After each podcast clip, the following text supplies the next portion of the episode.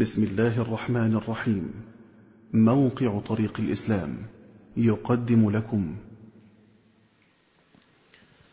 حياكم الله أعزائي المشاهدين وجمهورنا الكريم في هذه الأمسية من أمسيات ليالي فبراير والندوات الدينية التي تطل عليكم في كل فبراير من كل عام. كذلك نطل على مشاهدينا الكرام عبر شاشة تلفزيون الوطن. الليلة ستكون أمسية رائعة فيها ابتسامة مع المشايخ والدعاة. نرحب باسمكم جميعا بفضيلة الدكتور عمر عبد الكافي وفضيلة الشيخ سليمان الجبيلان. تحت شعارنا الذي تعودتم عليه في من خلال أمسياتنا التي نتناولها عبر شعار بلدة طيبة ورب غفور. نبدأ مع فضيلة الدكتور عمر عبد الكافي الأكبر سنا فليتفضل موفقا ميسورا. أحمد الله رب العالمين حمد عباده الشاكرين الذاكرين وأصلي وأسلم على سيدنا رسول الله صلى الله عليه وسلم أما بعد أحبتي في الله أبنائي وبناتي حياكم الله وبياكم وطبتم وطاب ممشاكم وتبوأتم من الجنة مقعدا إن شاء الله رب العالمين هذه أمسية فيها كل السعادة. أرى أمامي باقات من الورود وباقات أجمل من ورود تحمل قلوبا موصولة بالله عز وجل. وعلى النص أيضا يعني سعيد كل السعادة عندما علمت أن يعني ولدي النابغة والداعية المبتسم دائما البشوش الوجه المخلص القلب ولا ازكيه على الله. الشيخ سليمان جبلان جزاه الله عنا خيرا. وولدنا مقدم البرامج الناجح البارع دائما صاحب الطلة الجميلة. فلا بد أن تكون هذه أمسية فيها الخير كله فنسأل الله سبحانه وتعالى أن يجعل جمعنا هذا جمعا مرحوما وتفرقنا من بعده تفرقا معصوما. وألا يجعل بيننا رب العباد شقيا ولا محروما. هو ولي ذلك والقادر عليه وأثني بالصلاة والسلام على الحبيب المصطفى صلى الله عليه وسلم. ثم أما بعد. عناوين هذه الأمسيات وضعها يعني قلم جميل ووضعها أصحاب فكر عندما يبحثون عن. معوقات البلد الطيب البلد الطيب بلد ينتشر فيه الحب بين أهله والود ولا تعرف قلوب ساكنيه روافد الحقد أو الحسد أو الظلم. قضية الحسد قضية يعني خطيرة تعصف بالمجتمعات. الحاسد نوعان. نوع يعرف أنه حاسد. ونوع فيروس الحسد أو ميكروب الحسد أو جرثومة الحسد مستكنة داخل جذر قلبه ولكنه لا يدري وهذه أخطر. يعني يكون يحسد وهو لا يعرف أن مرض الحسد موجود عنده. مصيبة الحاسد أنه لا يرضى قسمة الله في الأزل. غير راضي عن قسمة الله. أهم يقسمون رحمة ربك؟ نحن قسمنا بينهم معيشتهم في الحياة الدنيا. الحاسد يريد أن يسير المجتمع وفق ما يريده هو لا وفق مقادير الله التي قسمت.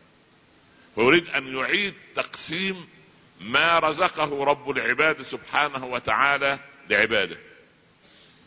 كارثه الحاسد أنه كلما ازددت أنت نعمة كلما دخلت عليه هذه النعمة بالكرب والغم. الحاسد دائما عنده حالة من الأرق وحالة من القلق لأنه لا يتمنى أن تصاب أنت بخير فقط بل يتمنى أن تزول عنك النعمة. ولذلك أول ما عصي رب العباد عز وجل به في هذه الأرض كان الكبر والحسد والحرص. تكبر إبليس فقال أنا خير منه. وحسد ولد آدم أخاه فقتله. وحرص أبونا آدم على أن يستمر في هذه الحياة ويتحول إلى ملك عندما استمع وأنصت للأسف إلى إغواء الشيطان ما نهاكما ربكما عن تلكما الشجرة إلا أن تكونا ملكين أو تكون من الخالدين. فدلاهما بغرور فحرص أبونا آدم على أن يبقى في هذه الحياة وإن كان قصده صالحا أن يبقى عابدا لله عز وجل مخلدا لا يعصي الله سبحانه وتعالى ولكنه ارتكب ما نهى رب العباد عنه إلى أن استفاق وفتح الله له باب التوبة ثم تاب عليه وهدى. اذا جذور المعاصي في الكون. هذا الكبر هذا الحسد هذا الحرص. تعالوا نركز على قضية الحسد. لو حللنا شخصية أي حاسد أول شيء نجد لا ينظر ابدا إلى البقعة البيضاء في أي مكان. فهو إنسان يرى أن هذا غبي لا يستحق هذه النعمة. وهذا عقله غير موجود فلا يستحق هذه النعمة. وهذا قاصر الفكر فلا يستحق. فالحسد يولد عنده الكبر. يعني الحسد كأنه بذرة بذرة خبيثة لشجرة خبيثة وهي شجرة الكبر لأنه كأنما يقول كيف يعطى هذا وأنا لا أعطى. ولذلك الحاسد كارثته أنه يشير إلى الناس دائما بالنقص. لأنهم لا يستحقون من وجهة نظره الخير الذي هم فيه. سبحان الله. ولذلك لما جيء بالاعرابي الذي يحسد هو مشهور عنه الحسد. فده قال له أنا ممكن اعطيك أعطيك عشرين دينار على أن تحسد لي ناقة فلان.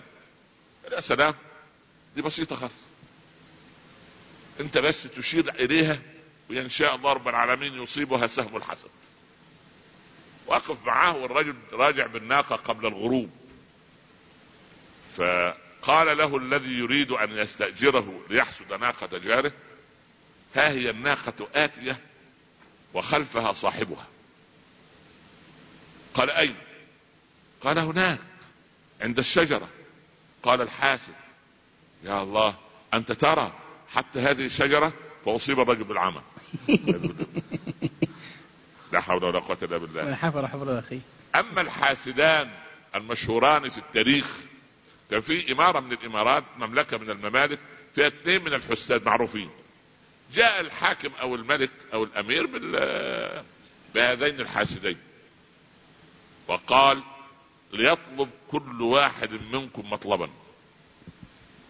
وسوف أعطي الثاني ضعف ما أعطيت الأول. طبعا الثاني حاسد.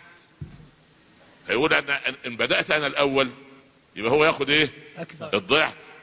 يقول قل أنت. أنت قول أنت أحكي. عشان لو عايز ألف الثاني ياخد ألفين لو عايز آه، بيت الثاني ياخد بيتين. قل أنت قل أنت تشاكسوا. الملك لا ترفع الأصوات عندي. قل يا فلان وأصبح الحاسد تحت أمر الملكي لابد أن يقول. بس أنا إذا قلت هكذا وأقول الحاسد الثاني يأخذ أكثر مني. قال أيها الملك افقأ لي عينا. سبحان الله. والله إن شاء الله. عشان الملك يتصرف في إيه؟ يبقى في عيني. الآخر. هذه وإن كانت طرائف على مر التاريخ لكن كارثة الحاسد إذا رأينا وحللنا نفسيته أول شيء هو لا يرضى عن قسمة الله أولا. هو غير راضي. والرضا عندما يتبخر من قلب العبد فظن شرا ولا تسأل عن الخبر. الرضا لما يتبخر عندك سبحان الله العظيم كما قال الله يا داود أنت تريد وأنا أريد. فإن رضيت بما أريد أعطيتك ما تريد. وإن لم ترضى بما أريد أتعبتك فيما تريد ثم لا يكون إلا ما أريد فإني فعال لما أريد. فيجب أن تسلم لقسمة الله في الأزل لأن هذا الحسد العقيدة قد تبخرت من عندي وهذه كارثة الثانية. العقيدة كيف؟ من العقيدة أن تثق في رزق الله عز وجل وأنت قد كتب لك الرزق والعمر وأنت عندك 120 يوم. يعني كتب رزقك وعمرك. أول ما يبلغ الإنسان أربعون يوما نطفة أربعون يوما مضغة أربعون يوما علقة يوحي الله الملك الموكل بالأرحام أن يكتب عمرك ورزقك. خلاص. تنزل إلى هذه الدنيا وأنت لك رزق محدد. كتاب الرزق واسع ولكن الحاسد لا يرى الرزق إلا مالا. والمال آخر صفحة في كتاب الرزق. المال هو أحد أو آخر صفحة في كتاب الرزق. اولا الإيمان والإسلام هو عنوان الرزق. هذا أكبر أكبر رزق أن يرزقك رب العباد سبحانه ايمانا. ويرزقك الإسلام دون أن تسأله. أنت ما سألت رب العباد أن أن تكون مسلما. ولدت في بيت مسلم في دولة مسلمة لأب وأم مسلمين. فهذا من فضل الله عليك. هذا أول صفحة في باب رزقك الإسلام رزقك الإيمان رزقك حب الله حب رسوله صلى الله عليه وسلم حب قراءة القرآن حب العلماء حب أهل الفضل حب الخير للناس. هذه كلها ألوان من الرزق. يأتي المال وهو الذي يحير أو يعني يجعل الناس يحسد بعضهم بعضا. المال إما نعمة أو نقمة.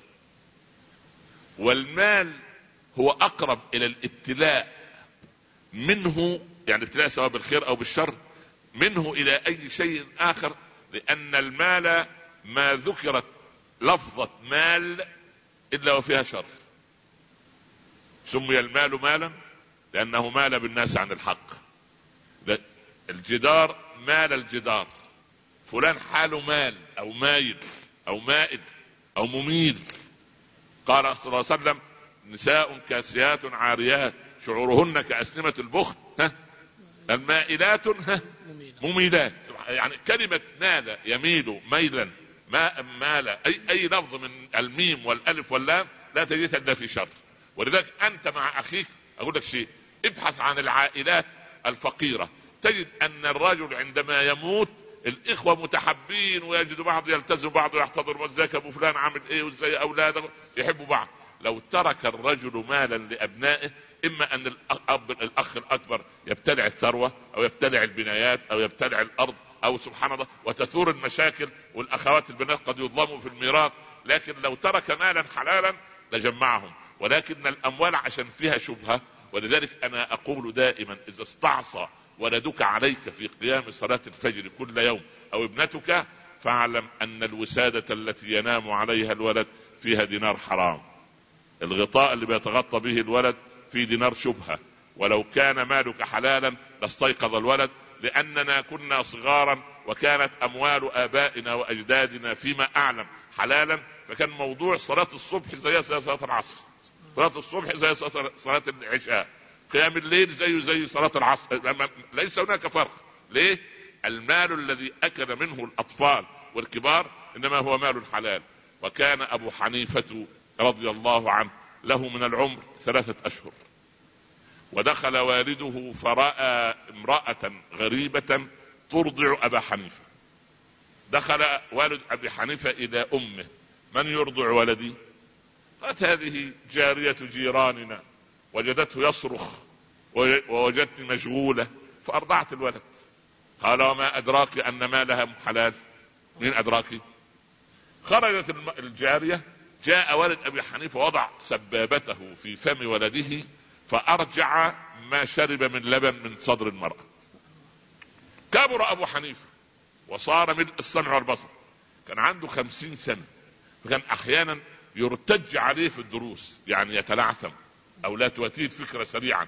يقول عسى قطرات من لبن ما خرجت مع سبابة أبي. قطرات اللبن اللي مشكوك في أمرها جعلت أبا حنيفة يتلعثم.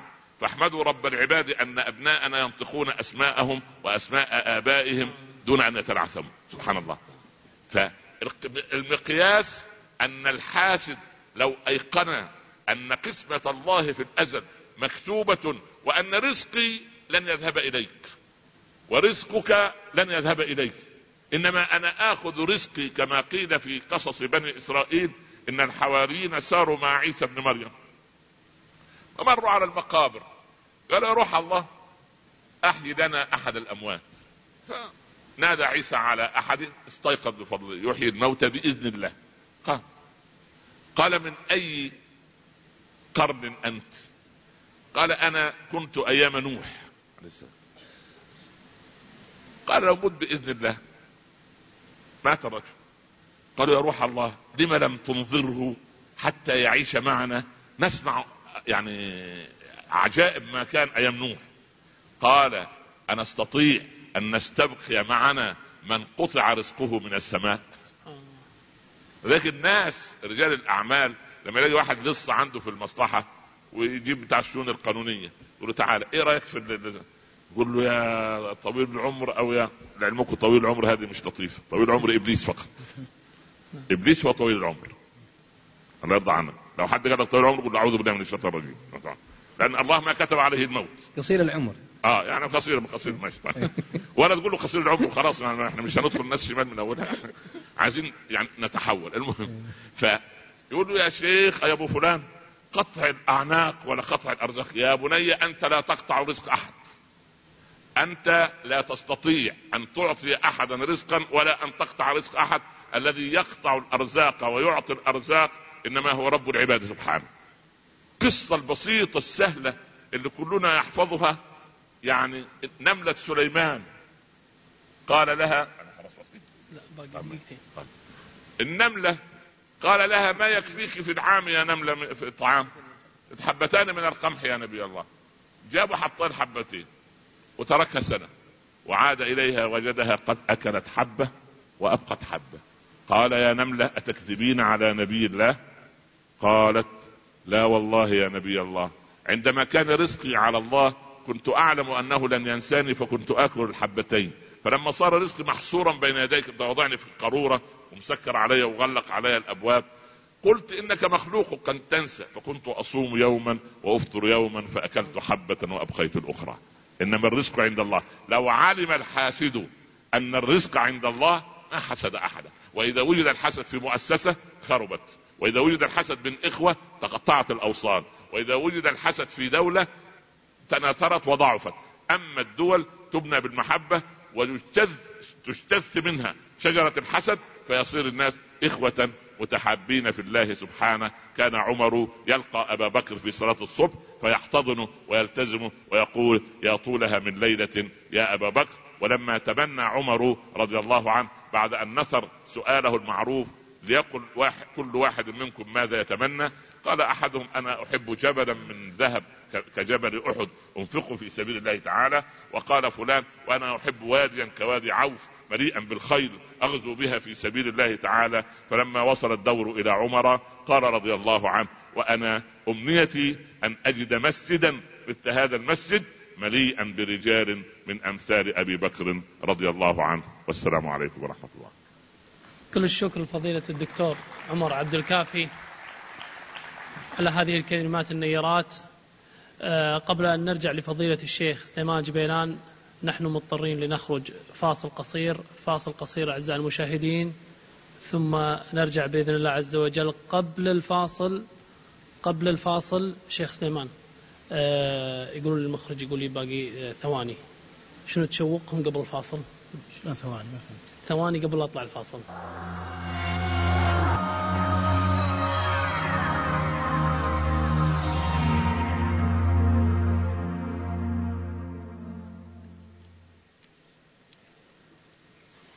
حياكم الله أعزائي المشاهدين رجعنا لكم من جديد آه، في هذه الأمسية المباركة نسأل الله عز وجل أن أن يجعلها في موازينكم جميعا وفي موازين الشيخين بإذن الله عز وجل. لله در الحسد ما أعدله بدأ بصاحبه حتى قتله. نرجع مع فضيلة الشيخ سليمان الجبيلان ليكمل معنا معوقات البلدة الطيبة فليتفضل. السلام عليكم ورحمة الله وبركاته. الحمد لله نحمده ونستعينه ونستهديه ونستغفره ونتوب إليه ونؤمن به ونتوكل عليه ونعوذ بالله من شرور أنفسنا ومن سيئات أعمالنا. من يهدي الله فلا مضل له ومن يضلل فلا هادي له. ونصلي ونسلم على خير خلقه محمد وآله وأصحابه وأتباعه. صلاة وتسليما دائمتين ليوم الدين. اللهم لا علم لنا إلا ما علمتنا. اللهم لا فهم لنا إلا ما فهمتنا. اللهم يا معلم آدم علمنا ويا مفهم سليمان فهمنا. باري ذي بدء. شرفني في الحقيقة أن أكون بين يدي شيخي الشيخ عمر عبد الكافي وهذا من فضل الله علي ومنته سبحانه وتعالى حيث أنني كنت شابا يافعا وكنت أتمنى أن أجلس مع الشيخ عمر عبد الكافي والشيخ أحمد القطان والشيخ محمد العوضي والشيخ وجد غنيم وغيرهم من المشايخ الذي الذين كنت أسمع لهم في بداية شبابي فأكرمني الله في هذا الوقت أن أجلس معهم وأجلس مع الشيخ عمر فله الفضل الأسبق وهو كما قال هو مقام الوالد الحقيقة لأنه أكبر سنا مني ولد بعد الحرب العالمية الأولى مباشرة. أما أنا فقد ولدت قبل أحداث سبتمبر فالعمر فحقيقة شاسع بيني وبينه لكن شرفني الله وأكرمني أنني أجلس فهم مشايخنا. وقد تتلمذت منذ صغري الحقيقة على مشايخ مصر مشايخ مصر أمثال الشيخ عبد الحميد كشك الشعراوي وغيرهم من المشايخ الذين استفدنا من علمهم في السبعينات ميلادي تقريبا والثمانينات. فجزاهم الله عنا وعن الإسلام كل خير فالذي يستمع لهم الحمد يستفيد ولا يخرج إلا بفائدة فهذا فضل من الله ومنه.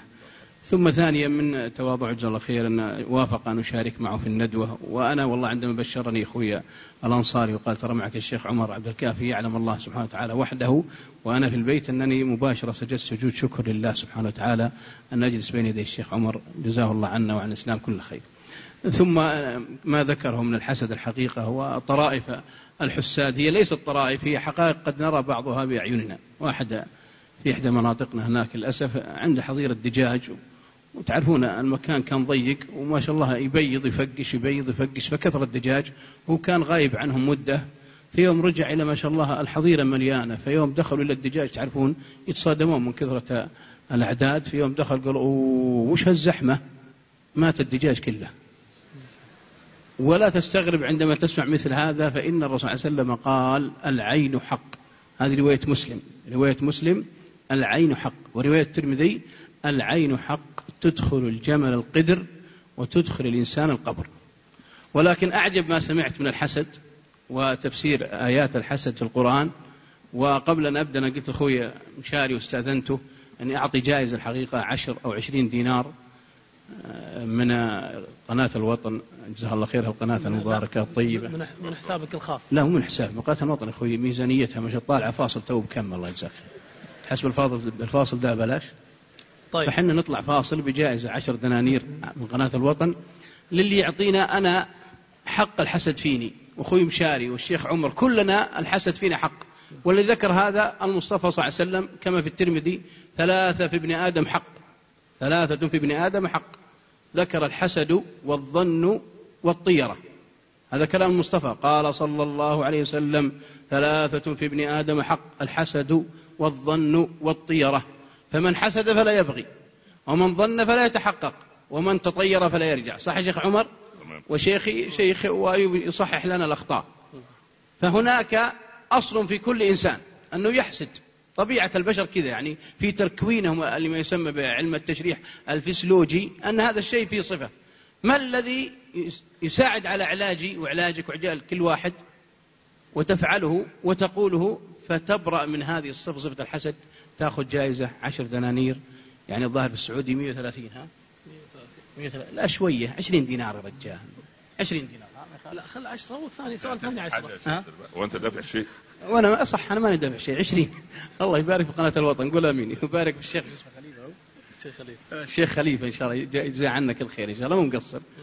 20 دينار من قناة الوطن. ارفع إيدك وقل هذا علاج الحسد الذي ورد في الكتاب أو ورد في السنة.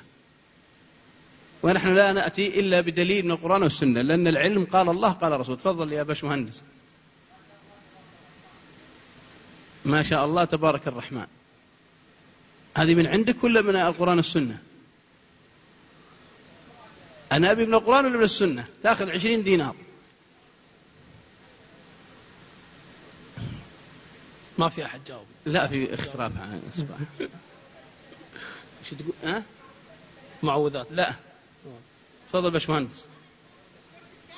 من ارفع صوتك. لا لا.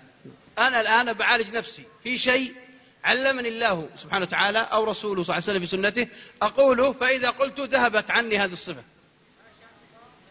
لا. يعني تذهب عني. إذا قلته يعني أنتم تقولون الأذكار المسائية والصباحية صح؟ تقول هذا الذكر من القرآن أو من السنة في الصباح والمساء فلا تأتيك صفة الحسد تذهب عنك. يعني مو تحسد أنت لا هي تذهب عنك. يعني تنتفي كما قال ابن كثير وابن الجوزي وابن القيم وكل علماء السنة قالوا هذا. حتى آخر مرة سمعتها بأذني من إمام الحرم الشيخ صالح. صالح بن حميد في درس الفجر ذكر هذا. اللي الآن هو رئيس القضاء العدل في المملكة وهو إمام الحرم المكي. الشيخ صالح تفضل يا عمي. ما شاء الله الله يوفق كلامي غلط غلط. اقعد الله يجزاك غلط. غلط. غلط. إيه 20 دينار دي تلهلب الظاهر ما حد عارف اي باش مهندس. ما شاء الله الله يوفقكم يا أهل مصر. نشهد الله على حبكم يا أهل مصر والإجابة غلط يا أهل مصر.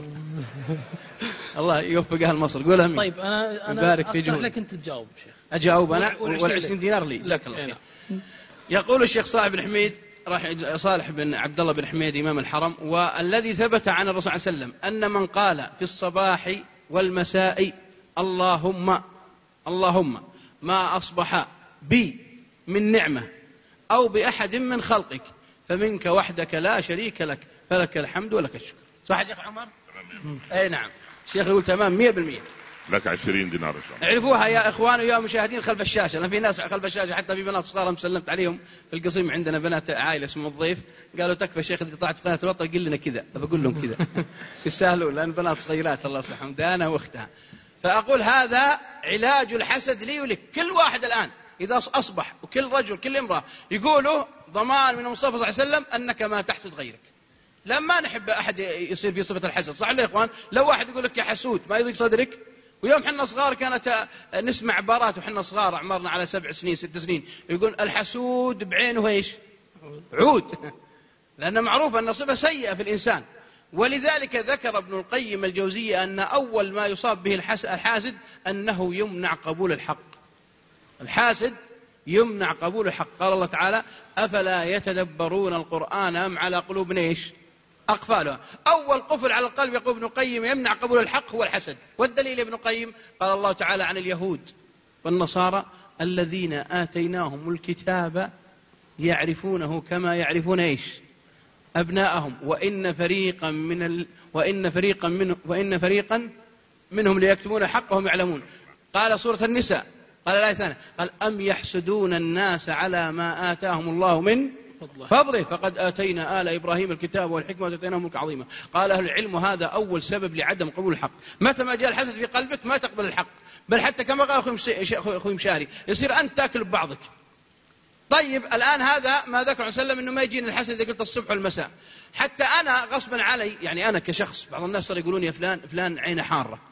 ولا تستغرب عندما قال شيخنا الفاضل تاج راس الشيخ عمر عبد الكافي إن هناك ناس يستأجرون للعين. فعلا إحنا لحقنا إحنا صغار نسمع إن فلان يؤجر. حتى ذكر ابن القيم الشيخ عمر صحح لي يمكن أخطيت أن ابن القيم ذكر ويجوز للحاكم حاكم من البلاد مثلا أمير البلاد الله يوفقه في الخير قول آمين. ويد عمره يمد بعمره على عمل صالح. إذا علم أن فلان في الكويت يحسد يجوز للحاكم أن يسجنه. صح يا شيخ؟ يسجنه ليش؟ لأن عينه حارة. والله من واحد واحد أنا أذكر. إذا ركب معي مرة رحت الواحد زرته. ورجل من وجهاء الرياض ورجل فاضل ومحترم وجاب ولده. ولده ما شاء الله تعرفون عيال النعمة ما شاء الله. عيال الأمراء وعيال الذوات ما شاء الله من النعمة. تلقاه مغذى ما شاء الله. يعني تلاحظ على عيال النعمة في قوله تعالى آه، آه، تعرف في وجوههم نظرة إيش؟ النعيم. عيال النعمة تشوف يقول ابن عثيمين هذا في يوم القيامة وهذا في الدنيا. رح للحواير اللي فيها كلهم الناس هاي هاي. شوف أبساستهم منفخة هوامير ما شاء الله. ليش أبساس هوامير؟ لانها تاكل هرفي وكنتاكي وروح للحوائر الفقيرة تلقى البس مسلوع وعينه مفقوعة. وهذا مشاهد صح يا شيخ عمر؟ فهذا الولد ما شاء الله ولد نعمة وجابه أبوه ولم تغذي وتو عمره ست سبع شهور ولا ينقز يقول كذا ينطنط الولد. تو بادي بيقعد. فاللي معي الله ديه يقول أخس تقليايات تعرفون اليايات يا شيخ عمر؟ اليايات حقت السوست حقت السيارة تنقز فقال أخس تقليايات الرجل ذاك صدره وزعل وأخذ له الدخل زهم عليه بعد أسبوع. قال يا أبو عديز خويك ذا جيب لنا شيء منه الولد كل ما له حالة تقضي. إي والله ورحت لما قلت يا فلان تعال. قالوا إيش عندك؟ تعال. وأجيب له أجيب له موية عشان يتوضأ. وتعرف الحديث؟ اللي ثابت في مسلم أنا وسلم عندما مر رجل وإذا برجل اغتسل قاعد ببرسه يسبح وقاشع جلده. في يوم شاف ظهره قال ما أبيض جلده. وش صار عليه شيخ عمر. حبس في بيته. فأخبر الرسول صلى الله عليه وسلم قال يا رسول الله لأن الرسول شافه أنقطع عن الصلاة ما يجي المسجد. قال أين فلان؟ قال يا رسول الله حبس في بيته. قال وما ذاك؟ قال إن فلان قال كذا وكذا. قال مروا فلان فليغتسل. ثم خذوا ماءه يعني ما يغتسل به ثم صبوه على فلان. فراح لفلان قال يا فلان الرسول صلى الله عليه وسلم يأمرك أن تغتسل. قال فيما قال فيما قلت. فاغتسل استجابة الرسول صلى الله عليه وسلم ثم أخذ الماء وجاء لفلان اللي في البيت قاعد صبوا عليه الماء. وش صار له يا شيخ عمر؟ يقول كأنما نشط من عقال. ولذلك نصيحة يا إخوان أي شيء تشوفه حتى لو شوفه بنفسك. والله يا إخوان أعرف واحد ما شاء الله صحته وعافيته وبطنه كبير وطقطق على بطنه. قالوه البلكونة كبيرة. أسبوع سال في المستشفى. أسبوع رابط في المستشفى. لأن يا شيخ عمر يحسد الإنسان نفسه ولا ما يحسد الإنسان نفسه؟ يحسد. وش الدليل؟ الدليل قوله تعالى في سورة الكهف فلولا إذ دخلت جنتك. قلت إيش؟ ما شاء الله. ما شاء الله. شوف حرمتك قل ما شاء الله ما تقول هو اموره اموره يا أخوي؟ اسمك هي يا أخوي في المحيط الهندي الله يجزاك خير. لأن الله علمنا والرسول صلى الله عليه وسلم علمنا الرسول إيش علمنا؟ قال إذا رأى يوم, يوم اغتسل الرجل وصلى مع الجماعة وراح اللي فيه قال للصحابة إذا رأى أحدكم من أخيه ما يسره فالإيش يبرك. إيش معنى يبرك؟ يقول ما شاء الله ما شاء الله على قناة الوطن ما شاء الله تبارك الله. قناة الوطن. بكرة تفهم وياما ياما والله واحد ركب مع واحد مشغل مكيف وكان الجو حار. درجة حرارة 46 في طريق قصيم الرياض. وكان يأشر وركب مع واحد. يوم ركب له برد مرة كيف كامري بارد. يوم ركب أوه مربعانية. والله يا أخوان كيف قال تش طلع الدخان. قال اللي ركب ذا مركب احسان فيه. قال أخوي انزل انزل. ياك يا مكيف لا تنقلب بالسيارة. وناس كانوا قاعدين والله يا أخوان مرة الهلال الأحمر السعودي تعرفون الهلال الأحمر لمبات ولا اثنين قاعدين وشوفهم بسيط ويجي النور الأحمر. فواحد منهم قال إيش الشماغ ذا الطاير؟ وانقلب الإسعاف. فهذا شيء حقائق قرآنية موجودة. فلذلك يعقوب عليه السلام وش قال لأولاده؟ قال يا يا شيخ صحح لي يا بني لا تدخلوا من باب واحد. وادخلوا إيش؟ ليش يا فرق؟ قال ابن كثير لأنهم كانوا طوال كانوا عيال يعقوب طويلين وكانوا جميلين وهم 11 فإذا دخلوا باب واحد وهم طوال واشكالهم ملفت للنظر في شبونهم. وهذا ترى من الحكمة. حتى عجائزنا وبنات وأمهاتنا كبار زي كذا كانوا يعلمونا. إذا رحت مثلا أنا وأخوي يوسف وأخوي عبد العزيز وأخوي عبد الرحمن أصلا خمس ستة بروح. فتقول لي تقول يا وليدي لا تدخلون جميع. لا تدخلون الجميع لذلك حتى الرؤساء والملوك الآن ما يطلعون بالتلفزيون يقول أنا عمره الفلاني كذا وكذا صح؟ ليش؟ لأن عارفين. والله يا أخوان والله واحد طالع في قناة السعودية يوم الجمعة بعد المغرب وسألوه في القناة السعودية قالوا كم عمرك يا أبو فلان؟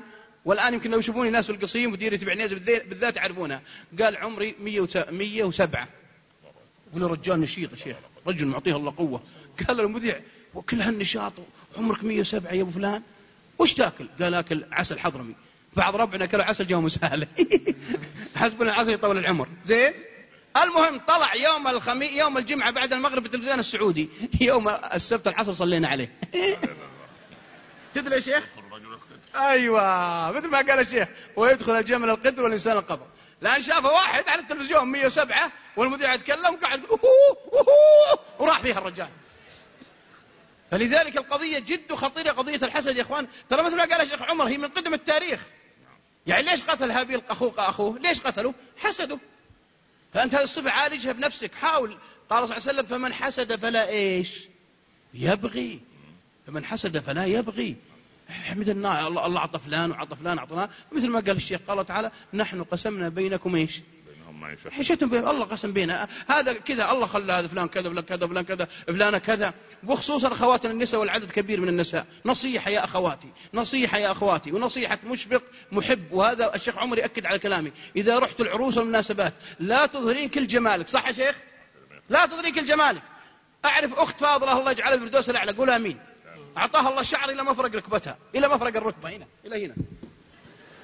وكانت مع صديقاتها ولافه الشعر بالبكلة يا شيخ تعرفون البكلة دي؟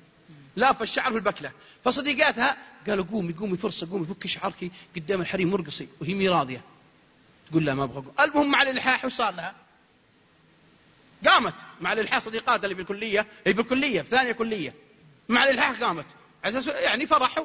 أول ما قامت فكت البكلة الشعر صار له انكب على ظهرها. الحاضرات إيش قالوا؟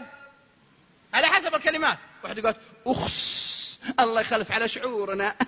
الله يخلف على شعورنا. طبعا أنا لا أنا حالق عشان العمرة. زين؟ والله والذي رفع السماء بغير عمد. الصبح على المستشفى. خمس أيام في المستشفى سرطان في الدماغ ماتت.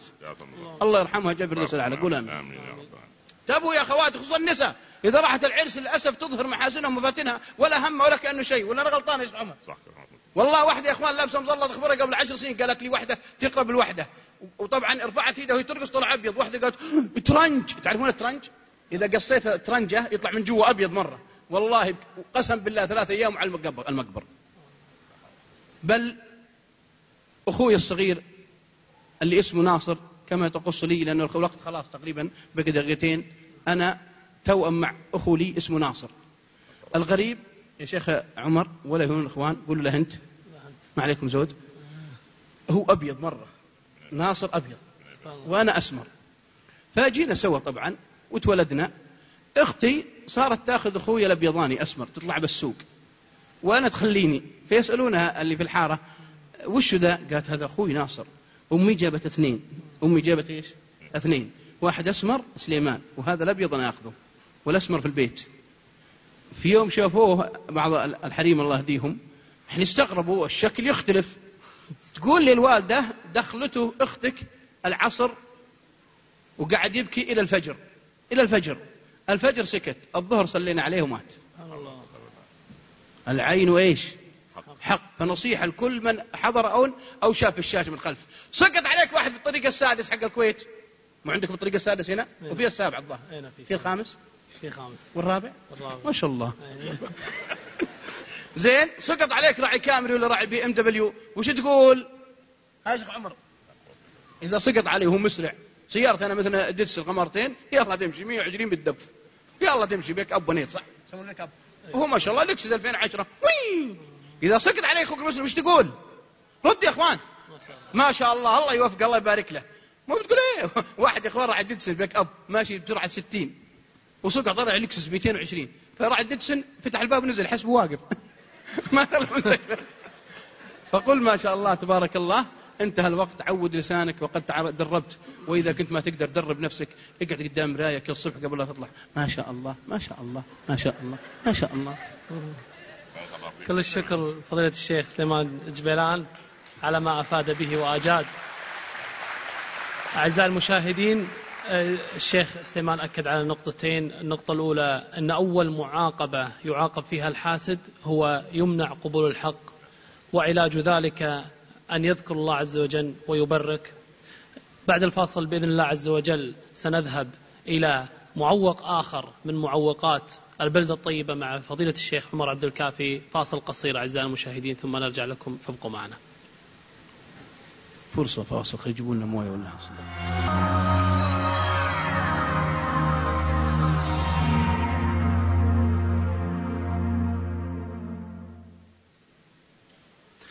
حياكم الله أعزائي المشاهدين من جديد ونرحب بالجمهور اللي تعنى وحضر عندنا. جزاكم الله خير أنتم نسأل الله عز وجل أن يجعلها في ميزان حسناتكم.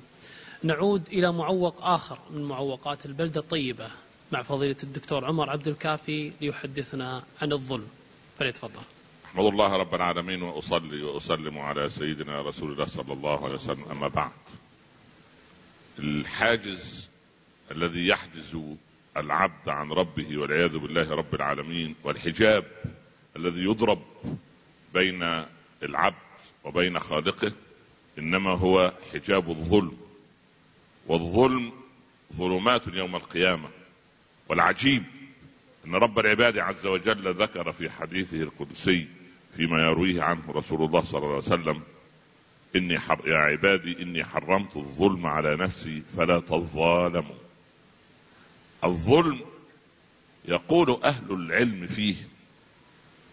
لا تدعو على الظالم. أن دعاءك على الظالم حق. لا يحب الله الجهر بالسوء من القول إلا من ظلم. لكن أنت لك الحق أيها المظلوم أن تدفع عن نفسك الظلم بالدعاء إلى الله عز وجل لأن ليس بين المظلوم وبين الله حجاب. الحجاب موجود بين الظالم وبين خالقه لأنه يريد أن يجعل نفسه أو يتألى على الله فيصير نفسه ربا من الأرباب أو إلها والعياذ بالله يحكم بين العباد بما يرى. العلماء علماء القلوب يقولون لا تدع على الظالم فإن ظلمه أسرع إليه من دعائك عليه. يعني أنت لما تظلم إذا دعوت إن شاء الله سوف تستجاب دعوتك ولو بعد حين. قال وعزتي وجلالي لأنصرنك ولو بعد حين.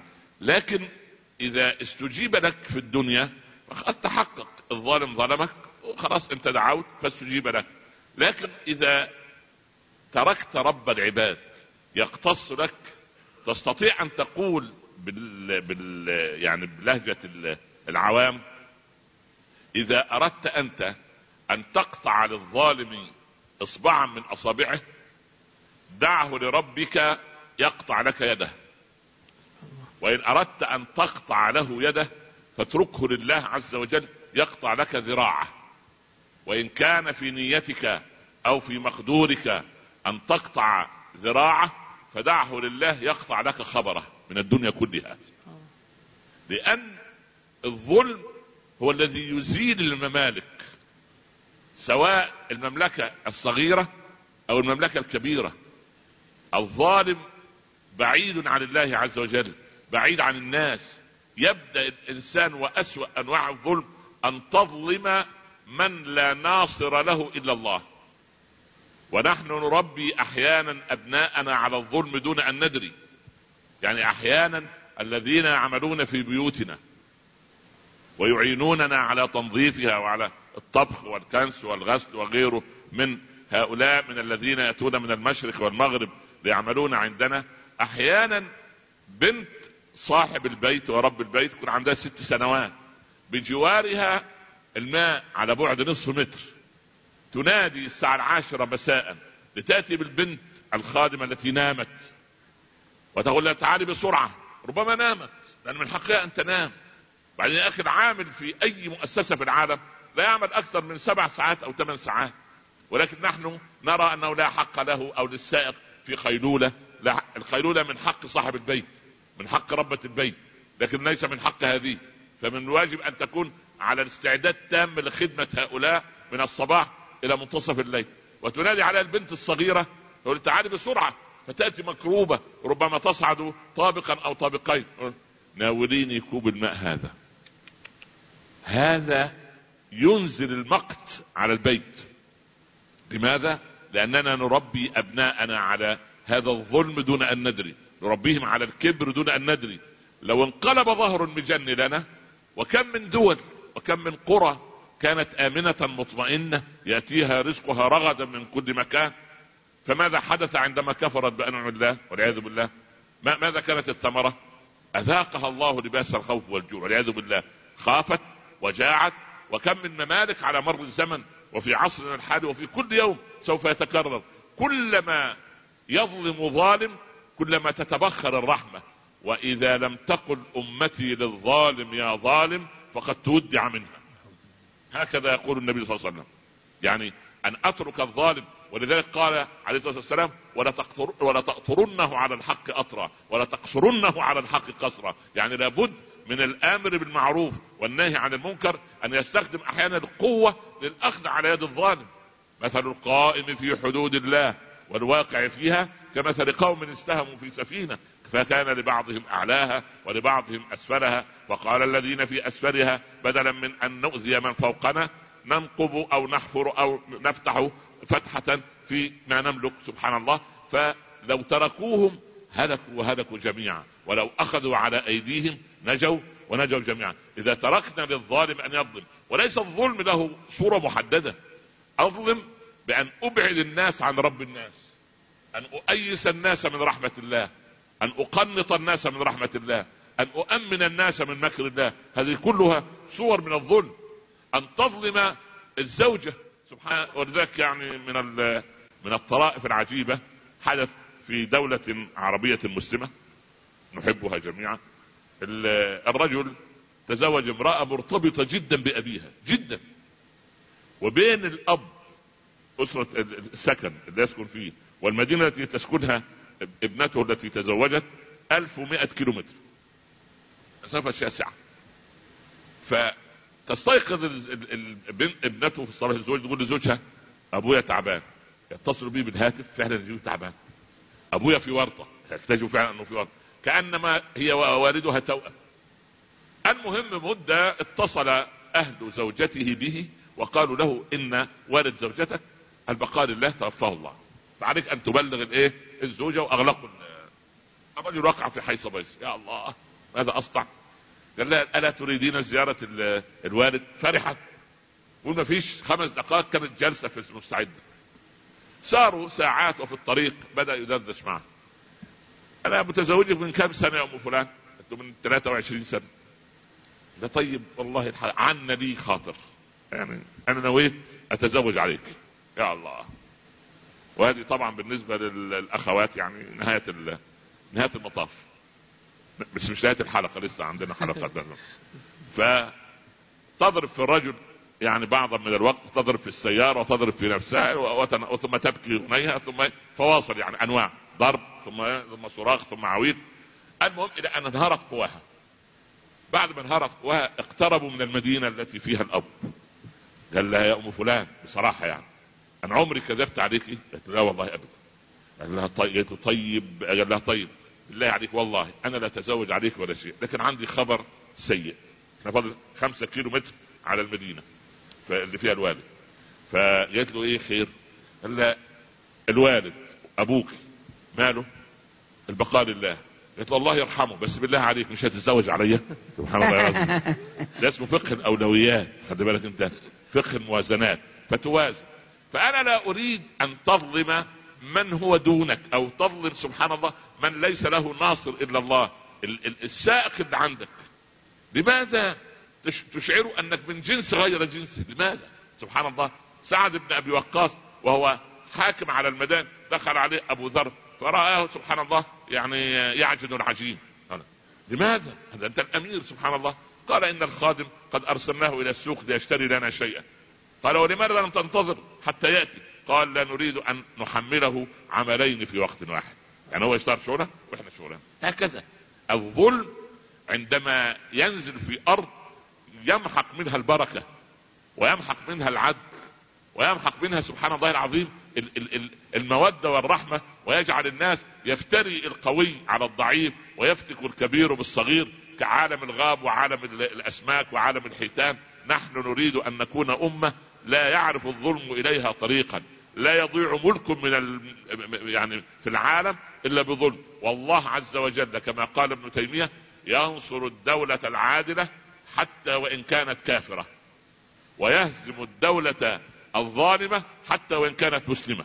فالسماء لا تحابي العدل أساس الملك. إذا وجد العدل في مكان انتهت القضية. فالمسألة تريد منا ألا نظلم من هم دوننا. ونعود أبناءنا على هذا. لأن المدير في المؤسسة لما يظلم الموظفين عنده ولا يعطيهم وقتا للراحة أو لا يعطيهم آه، تشجيع على ما يعملون هذا هذا مدير ظالم. هذا ولذلك أنا أنصح عندما يولى وزير أو مسؤول أو مدير في أي مكان صغرت المسؤولية أو كبرت لازم يعرض على طبيب نفسي. يكون عنده عقد. ما فيش طاغية في العالم تدرس حياته إلا وتجد وراءه طفولة بائسة. هتلر كان عنده طفولة بائسة. كان زوج أمه يضربه ويضرب أمه ضربا مبرحا كان يغلق عليه الباب. ولما مات أبوه كانت تعمل عند أسرة يهودية كان رب البيت اليهودي كان غني فكان سبحان الله إذا كثرت كوبا أو طبقا أو إناء كان يضرب أم هتلر فنشأ يكره كل ما هو يهودي وكان وكان يغلق عليه الباب فكان يكره الغرف المغلقة. فلما دخل في الخندق بعد الحرب العالمية الثانية أنت قلت أنا ولدت بعد الأولى ولا الثانية؟ لا الأولى. الأولى طيب طيب. بعد بعد فكان بعد ما دخل في الخندق بعد في أغسطس 1945 سبحان الله قبل أن أولد بست سنوات خلي بالك انت. ف... فلم يحتمل هذا المكان المغلق. عنده فوبيا من المكان المغلق فانتحر ولم يستطع أن يتحمل. نفس القضية آه، موسوليني نفس القضية فرانكو الذي حكم الأسبان بالحديد والنار. كل تشاوشيسكو سبحان كل كل هؤلاء سبحان الله يمر التاريخ أمامنا ولا تنظر إلى أن هؤلاء ظلم فقط. قد يظلم الإنسان يعني بالله عليك أنت لا تحفظ كزوج إلا حديث إذا بات امرأة وزوجها غضبان عليها ها كمل من عندك. كان الذي في السماء. لا لا إله إلا الله. ساخطا عليه حتى تصبح. تمام؟ طيب. وإذا باتت المرأة غاضبة من زوجها يعني إذا قلبنا القضية الملائكة يعني تحييه طول الليل يعني يعني يعني مش يعني لما هو الدين ذكوري. الظلم ظلمات سواء من الرجل أو من المرأة. يعني إذا باتت شاكية طب بالله عليك هو نائم؟ لا إله إلا الله. ويتدعو رب العباد عليه من بخله من ضيقه من سوء أدبه من ألفاظه البذيئة من عدم سبحان الله العظيم. لماذا لا نشجع حتى لا حتى ننزع الظلم من عندنا؟ أبناءنا عندما تقدم إذا كانت يعني الزوجة تقدم أحيانا من طعام أو تطبخ إذا كانت تعرف الطبخ فان يشكر الأولاد أمهم ويقبلوا يدها التي قدمت هذا. ما ما ما لماذا لا نقول للخادمة التي تعمل عندنا جزاك الله خيرا؟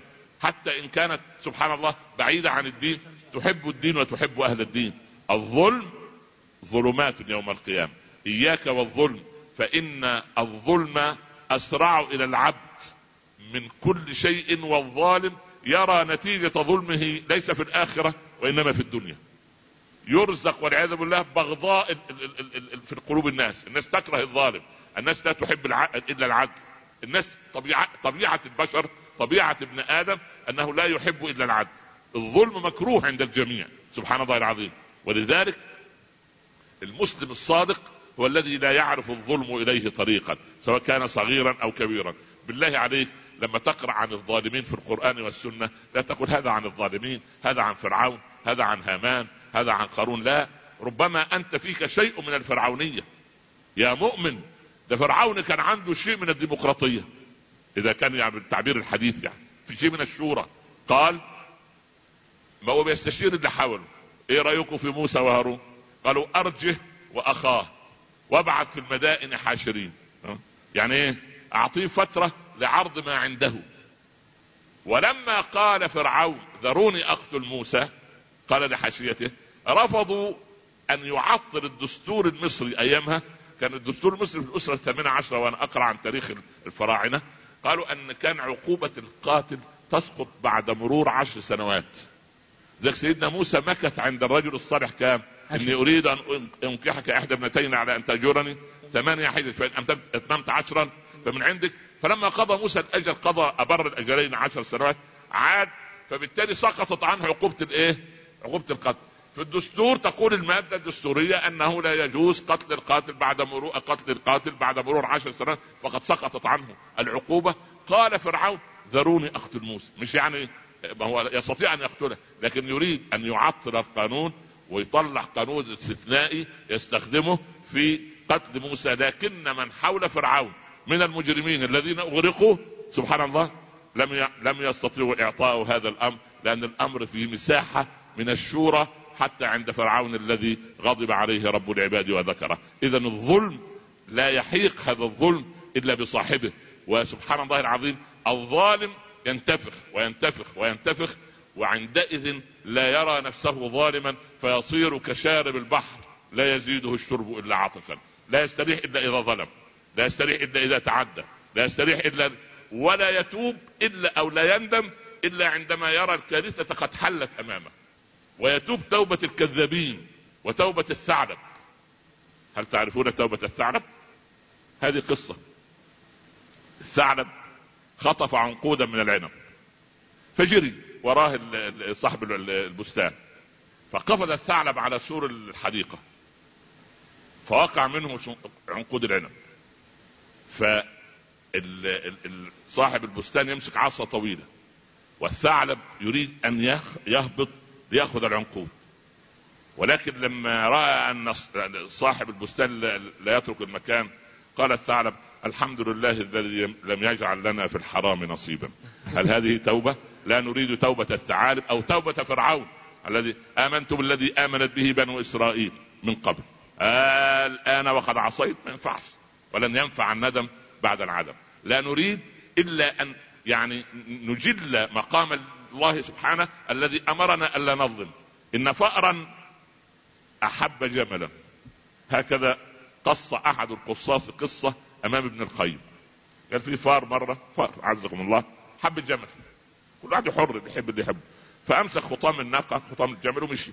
قعدوا يدردشوا مع بعض. حصلت ألفة. فضلوا ماشيين إلى أن جاء الفأر إلى أمام بيته. فين بيت الفأر؟ جحر صغير. فاستحى أن إيه؟ أن يدعو الجمل. وتفضل عندنا إيه؟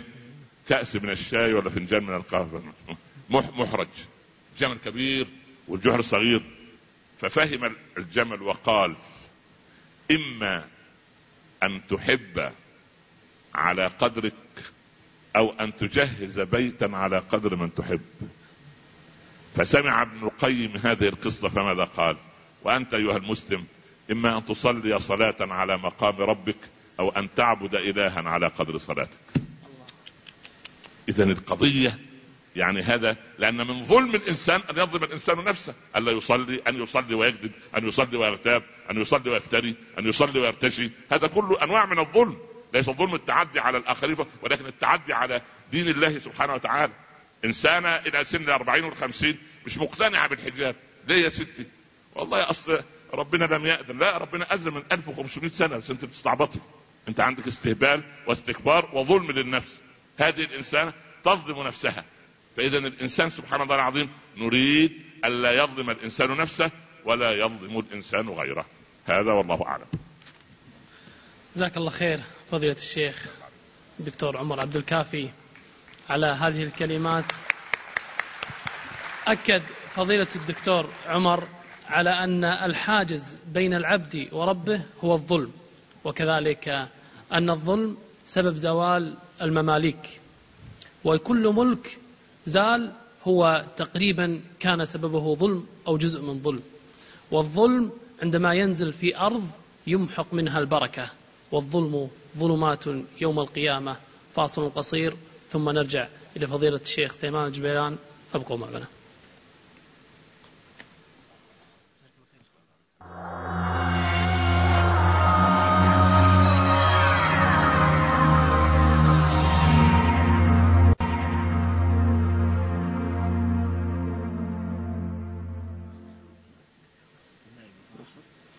حياكم الله أعزائي المشاهدين. عودة مجددة مع الدكتورين الفاضلين مع الشيخ سليمان جبيلان والدكتور عمر عبد الكافي في هذه الأمسية تقريبا الأخيرة في هذا المكان قبل الأخيرة ضمن الندوات الدينية في مهرجان ليالي فبراير. آه، نرجع مع فضيلة الشيخ سليمان جبيلان. شيخ سليمان شنو تحب تقول بهذه الفقرة؟ طيب. متروكة لك. أظن تحت موضوع الظلم. طيب الحمد لله وكفى وسلام على عبادنا الصفا وسلم تسليما كثيرا مثل ما عودناكم وقلنا دعينا للشيخ خليفة الصباح صاحب القناة أنه متبرع بالجوائز وتكلم الشيخ عن الظلم. فالذي يعطين يعطينا أعظم الظلم ما هو؟ مع الدليل له جائزة عشر دنانير. سهلة هذه عشرين؟ سهلة أقول. ما يخالف سهلة. تحرك الفلوس تغير النفوس. الفلوس تحرك النفوس عشان يتحركون الإخوان شوي. سمعت السؤال؟ ما حد جاوب. طيب. أجاوب. لا لا أصبر يمكن سمعت السؤال يا إخوان؟ الشيخ عمر الله يمتع بعمره على صحة وعافية وصح النية والذرية تكلم عن الظلم. الذي يعرف أعظم الظلم ما هو؟ مع الدليل نعطيه جائزة عشر دنانير. ومدامة الشيخ مشاري قال سؤال سهل ولا حد جاوب. خليها عشرين دينار ما يخالف. الشيخ خليفة إن شاء الله مو مقصر. ها الولد الصغير رفع ايده تو. اي تو واحد ولد صغير رفع ايده لا أنت ما أنت ولد صغير أنت لحيتك بوجهك ما شاء الله عليك. أنت أربع أولاد مع بعض. ما شاء الله عليك تبارك الله. اي تفضل يا عمي. ظلم النعمة. غلط. غلط. وش الدليل؟ إحنا قلنا مع الدليل. طيب قول إجابته عشان لا لا. لا مع الدليل. يقول له باخذ عشرة. أنا ما أشوف مع اللمبة هذه الكشاف. الله يعين عيوني لأن عيوني عسلية ما تتحمل الكشافات لكن إن شاء الله ركب عدسات. إي الولد اللي وراك. إي. إي طيب وش الدليل؟ أنا قلت مع الدليل. ربطتك بالدليل. لا ممكن أي واحد ثاني يجاوب جواب غيرك. أيوة يا عمي.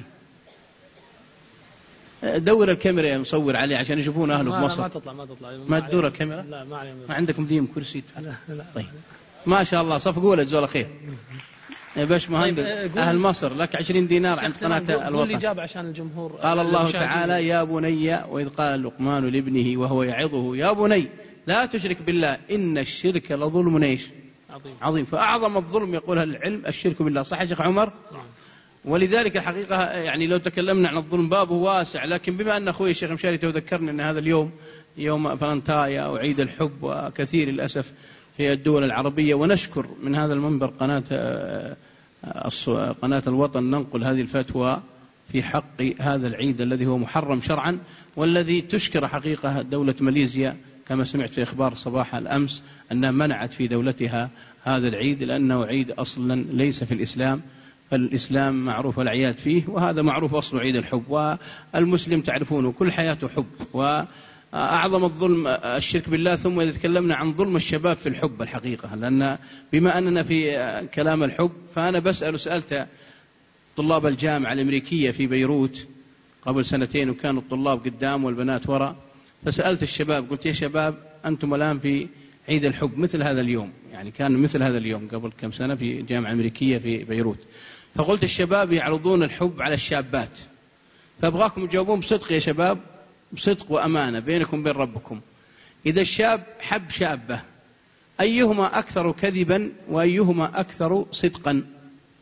وأنقل السؤال لكم هنا في هذه القاعة وحنا في التلفزيون وعلى الهواء مباشرة. نزل إيدك عشان الكاميرا. ما أشوف يا أخوي ذي الكشافة قوي. قلت لك عيوني ما تتحمل. جاوبوا يا شباب صدق جاوبوا يعني بأمانة. إذا شاب في الجامعة أو في الكلية أو في سيتي سنتر أو في أي شارع حب واحدة أيهما أكثر صدقا الشباب أم الشابات؟ ارفعوا صوتكم خلي اللي في الشاشة يسمعون. الشباب أكثر صدق؟ أيوه الشباب أكثر مراوغة. يقول له أحبك سبيجة. قلبي تقطع سبيجة وبنفس الوقت يقول ألقماشة. معروفين. يعني حتى إذا قاعد يكتب يتفنن. بعض الشباب كاتب الوحدة في مجلة يقول إذا أقبل سواد الليل تذكرت سواد شعرك وإذا أقبل بياض النهار تذكرت بياض بشرتك وإذا تحرك الهواء تذكرت أنفاسك وإذا خلوت لوحدي تذكرت طيف خيالك. إن الحياة السعيدة بقربك والحياة المملة ببعدك. الحياة دون حبك عذاب والدنيا دون قربك سراب. لقد تمنيت طول الحياة. ليش عمر الخطاب يقول تمنيت طول الحياة؟ قالوا لما يا عمر؟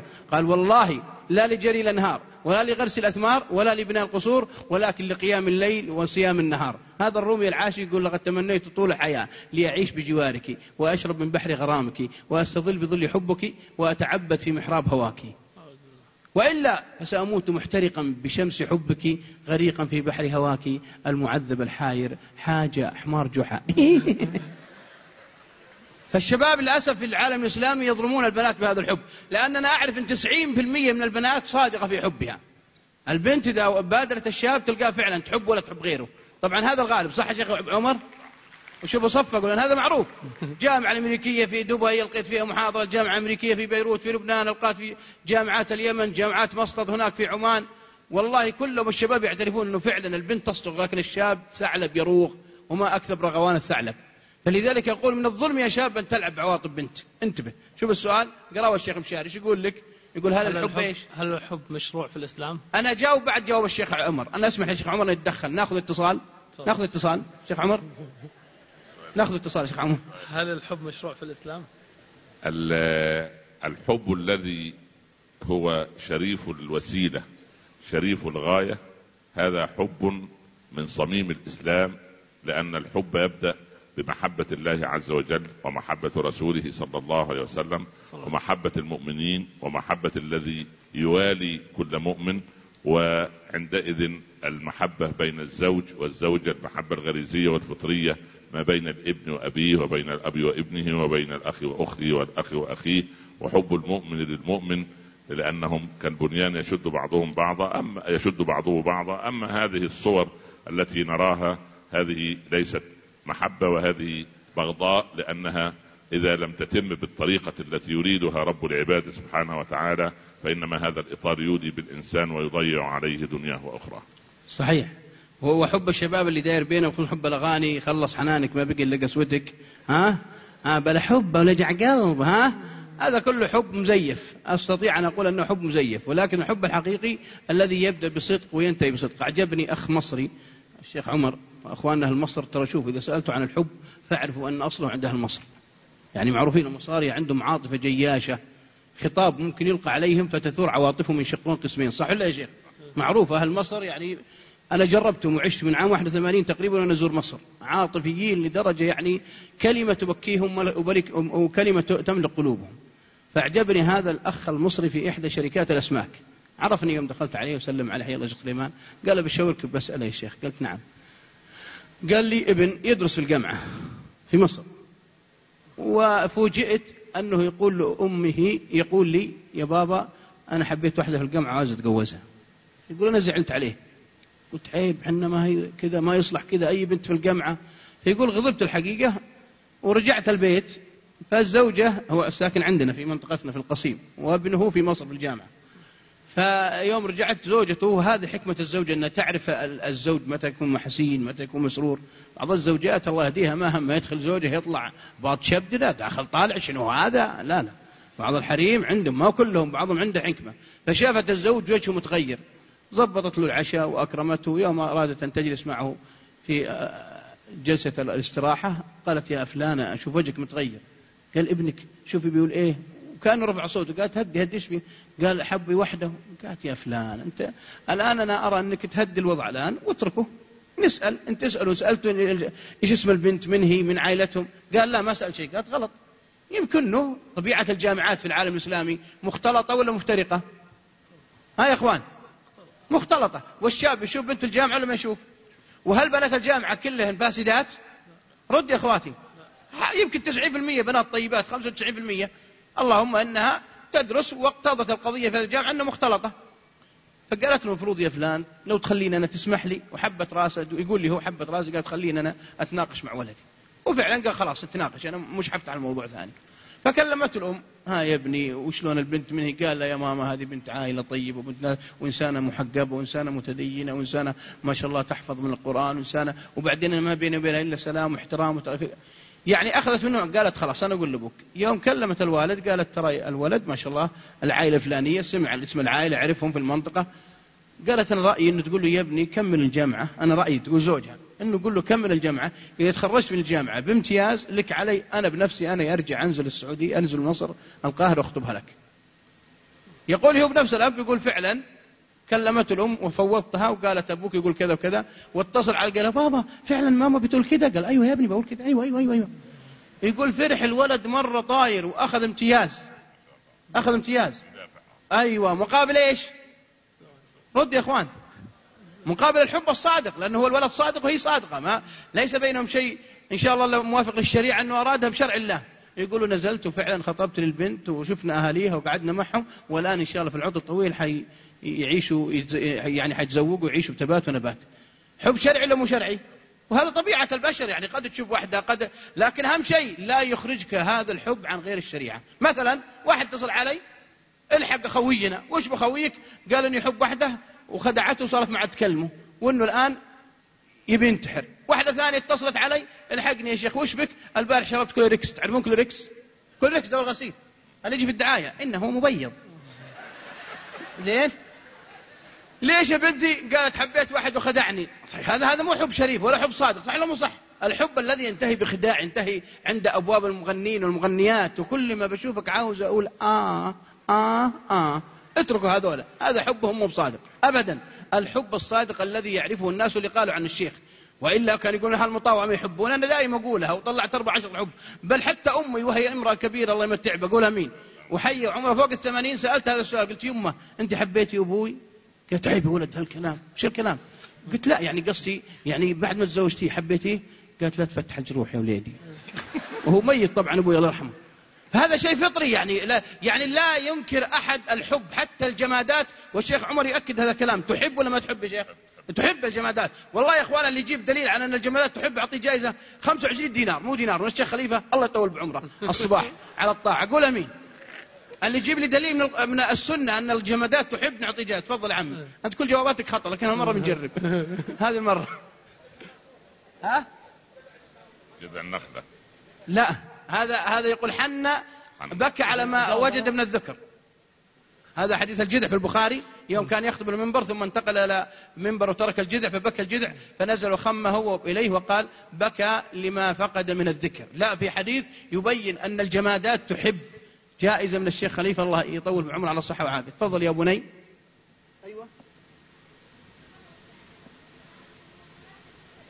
أيوة.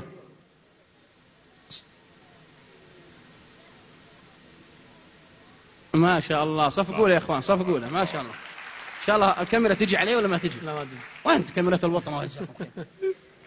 زين قل كذا الكاميرا. جزاك الله خير. زين. قال صلى الله عليه وسلم هذا أحد جبل يحبنا إيش؟ أنا احبه الرسول يقول يحبنا يعني يحبنا يعني أثبت الحب للجبل وهو جماد. الجبل يحب والجمادات تحب لكن حب لا يجعل مصايب وبلاوي دخلت إحدى السجون وإذا بنت مكلبشة بيدينها ورجلينها مدخلينها فسألت الملازم اللي بجنبي قد محاضر قلت حسن ماشي رشي. قال هذه جايبين البارح طعن أبوها سبع طعنات. لأن تحب واحد وأبوها رأى أنه ما تزوج وأن اخلاقه مو طيبة فقتلت أبوها عشان حبيبها. هذا حب يا شيخ عمر؟ انتبهوا. الحب من أجمل ما في الكون لكن إذا كان حب غير شرعي قد يكون يظلم الإنسان بنفسه ويظلم غيره لذلك ننتبه يا إخوان كم من الناس الآن كم مثلا أضرب لكم حب الأولاد فطري مو فطري؟ فطري مو فطري؟ فطري لما رجل كويتي يطلق وحده سعودية في حفر الباطن مثلا ساكن يتزوجها في حفر الباطن أو واحد سعودي في حفر الباطن يتزوج كويتية ويطلقها وياخذ عيالها منها ظلمها ولا ما ظلمها؟ ردوا وتقول له يا فلان وتوسط عمها وخالها وأبوها قال والله نجوم السما اقرب لها من عيالها. هذا ظلم ولا مو ظلم؟ وكم من الأخوات الأمهات للأسف يشتكن ويبكن ولكن أقول يا أخي انتبه. قال صلى الله عليه وسلم الظلم ظلمات متى؟ يوم القيامة. يوم القيامة. هذا حديث ذكر الشيخ عمر أول, أول محاضرة. يسمونه أهل الشام يسمونه فخر أهل الشام. حديث أبي إدريس الخولاني التابعي عن أبي ذر عن رسول الله عن رب العزة والجلال يا عبادي إني حرمت الظلم على نفسي وجعلته بينكم محرما فلما يجي رجل مثل كذا أو تجي امرأة لأنه يا أخوان ترى كما في رجال ظلمة في حريم ظلمة في ولا ما في. يا فلان عيب عليك يا فلان اتق الله يا فلان اعطي الرجال عيالة خليه قالت لا والله بالطقاق وقدام المحكمة لا سبعة أبواب. هذا ظلم. لا تعيش الحياة إلا بالعدل يا أخوان. فلذلك كلما قام العدل مثل ما قال الشيخ قال ابن تيمية إن الله ينصر الدولة الكافرة إذا كانت عادلة ولا ينصر الدولة المسلمة إذا كانت إيش؟ ظالمة. فلنعدل يا أخوان. قال صلى الله عليه وسلم وأختم بقي دقيقة قال صلى الله عليه وسلم المقسطون على يمين الرحمن وكلتا يداه يمين. منهم المقسطون الذين يعدلون فيما ولوا مع زوجتك مع أولادك مع جيرانك مع عملك وإلا كم ملك زال بسبب الظلم. تعرفون ولا نصرح فبالتلميح ما يغني عن التصريح وفي الإشارة ما يغني عن العبارة وصلى الله وسلم على سيدنا نبينا كل الشكر فضيلة الشيخ سليمان جبيلان. آه، قبل الفاصل بإذن الله عز وجل نحاول أن نستفيد من المشايخ وعندنا بعض الأسئلة آه، لهم شيخ الدكتور عمر عبد الكافي. آه، عندي سؤال راح أسألك وإجابته بعد الفاصل. تقول حضرتك قلت أن تأخر أبناء بالصلاة أنه سبب مال الحرام. تقول هذا الكلام عور قلبي لكن أنا عندي أبناء يتأخرون على الصلاة أحيانا. ولا يصلون بعض الأحيان ويعلم الله أني أطعمتهم بمال حلال. شنو تعليقك على هذه المرأة الأرملة؟ لكن ناخذ تعليقك بعد الفاصل. أعزائي مشاهدين فاصل قصير ثم نرجع لكم. لا تبعدون.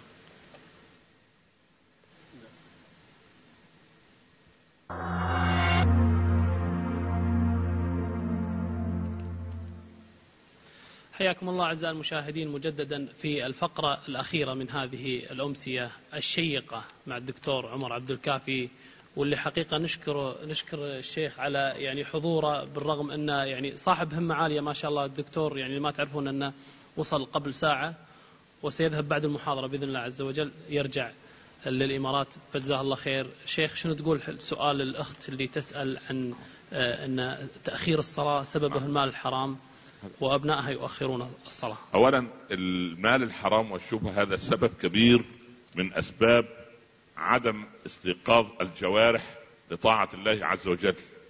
كما أن صلاة الفجر بالذات وقيام الليل شرف الله سبحانه وتعالى يعطيه لمن يخدم دينه نهارا.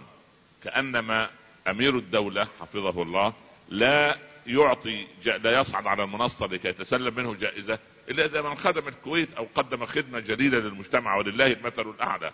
الله عز وجل يشرف بعضا من عباده بأن يوقظهم لقيام الليل أو يوقظهم لصلاة الفجر وهذه ساعات استجابة الدعاء ونزول الرزق. الكل يرزق لكن هناك من يرزق ويبارك له في رزقه. هذا الذي يواظب على صلاة الصبح قبل شروق الشمس. ويرزق الآخر ولكن لا يبارك له في رزقه عندما تشرق الشمس ويصلي بعد شروق الشمس. هذا أحد الأسباب أما الأخت الفاضلة بارك الله فيها في تربيتها لأبنائها إذا كنت قد اطعمتيهم من حلال فهذا من كرم الله عليك وعليهم فعندئذ عليك بكثرة الدعاء إلى الله سبحانه وتعالى أن يكونوا من المواظبين والمواظبات على صلاة الصبح في الموعد الذي يرضاه الله ورسوله صلى الله عليه وسلم. والله أعلم. آه شيخ سليمان يقول عندي معصية تعتبر من الكبائر ولا أستطيع تركها. شو تنصح؟ الحمد لله والصلاة والسلام والصلاة والسلام على رسول الله. أولا يحاول المعصية حسب نوعياتها طبعا. إذا كانت في بيئة يحاول يفارقها. يعني مثلا لو واحد في السوق أنا صديق لي كان في السوق معنا أنا عندي محلات في السوق فكان يعني متأذي مرة من قضية محله يعني يبيع على النساء وكل اللي عنده أشياء نسائية. فتعب تعب مرة يعني حس أنه خلاص يعني أشرف أو هلك. فقلت له غير بضاعتك رجالي. وفعلا غير بضاعته يعني صارت ملابس رجالية وشيء رجالية فارتاح واطمأن لذلك وسكن. فغالبا على حسب المعصية. المعصية إذا أردت أن تتركها طبعا لا بد التوبة وشروطه والمعروف في حقها لكن والشيخ عمر يمكن يأكد على ذلك. الأصل في ذلك قوله صلى الله عليه وسلم اخرج من أرضك فإن أرضك أرض إيش؟ سوء. فيفارق الإنسان المكان حتى لا تحن نفسه ولا يتوق. مثلا واحد يشرب دخان يقول ودي يترك الدخان. وما زال يا شيخ عمر مع أصحابه اللي يدخنون. هل ممكن يتركه؟ يدخن ويترك الدخان لكن ما زال مع أصحابه اللي يدخنون. ما ينفع. هذا معروف. ليش؟ لأن تتوق النفس. فهذا الأصل في ترك المعاصي أنه يفارق الإنسان المكان الذي فيه. وقلنا لكم قوله صلى الله عليه وسلم اخرج من أرضك فإن أرضك أرض سوء. طبعا ما العلماء يقولون الأرض ما لا دخل ولكن الأصل في الأصحاب. نعم بارك الله فيك. والإنسان دائما ضعيف خلق الإنسان ضعيفا فيأخذ القوة من, من, من الخالق سبحانه وتعالى. والله إن يعني مجر مش مجربة يعني كتجربة إنما باليقين من قام صاحب معصية وصلى ركعتين بالليل في جوف الليل والناس ينام وسجد وتمرغ بوجهه في التراب وفي موضع السجود داعيا رب العباد الذي يحول بين المرء وقلبه أن سبحان الله يحول بينه وبين معصيته هكذا.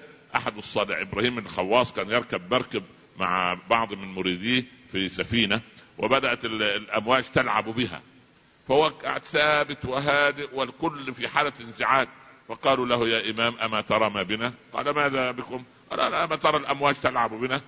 فنظر إلى السماء وقال له رصيد بيسحب منه قال يا رب أريتنا قدرتك فأرنا رحمتك فسكن البحر الإنسان دائما يلجئ نفسه إلى الله ولا يقول في نفسه أنا كثير الذنوب أنا غير مستجاب الدعوه بالعكس الإنسان إن كان طائعا وقال يا رب قال الله لبيك يا عبدي وإن كان عاصيا وقال يا رب قال لبيك لبيك لبيك يا عبدي.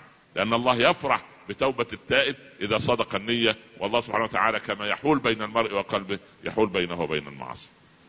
تفضل شيخ سمام شنو تحب آه، تذكر تحت شعارنا؟ شعار بلدة طيبة ورب غفور. بلدة طيبة في الحقيقة ما أجمل أن نعيش بسلامة الصدور.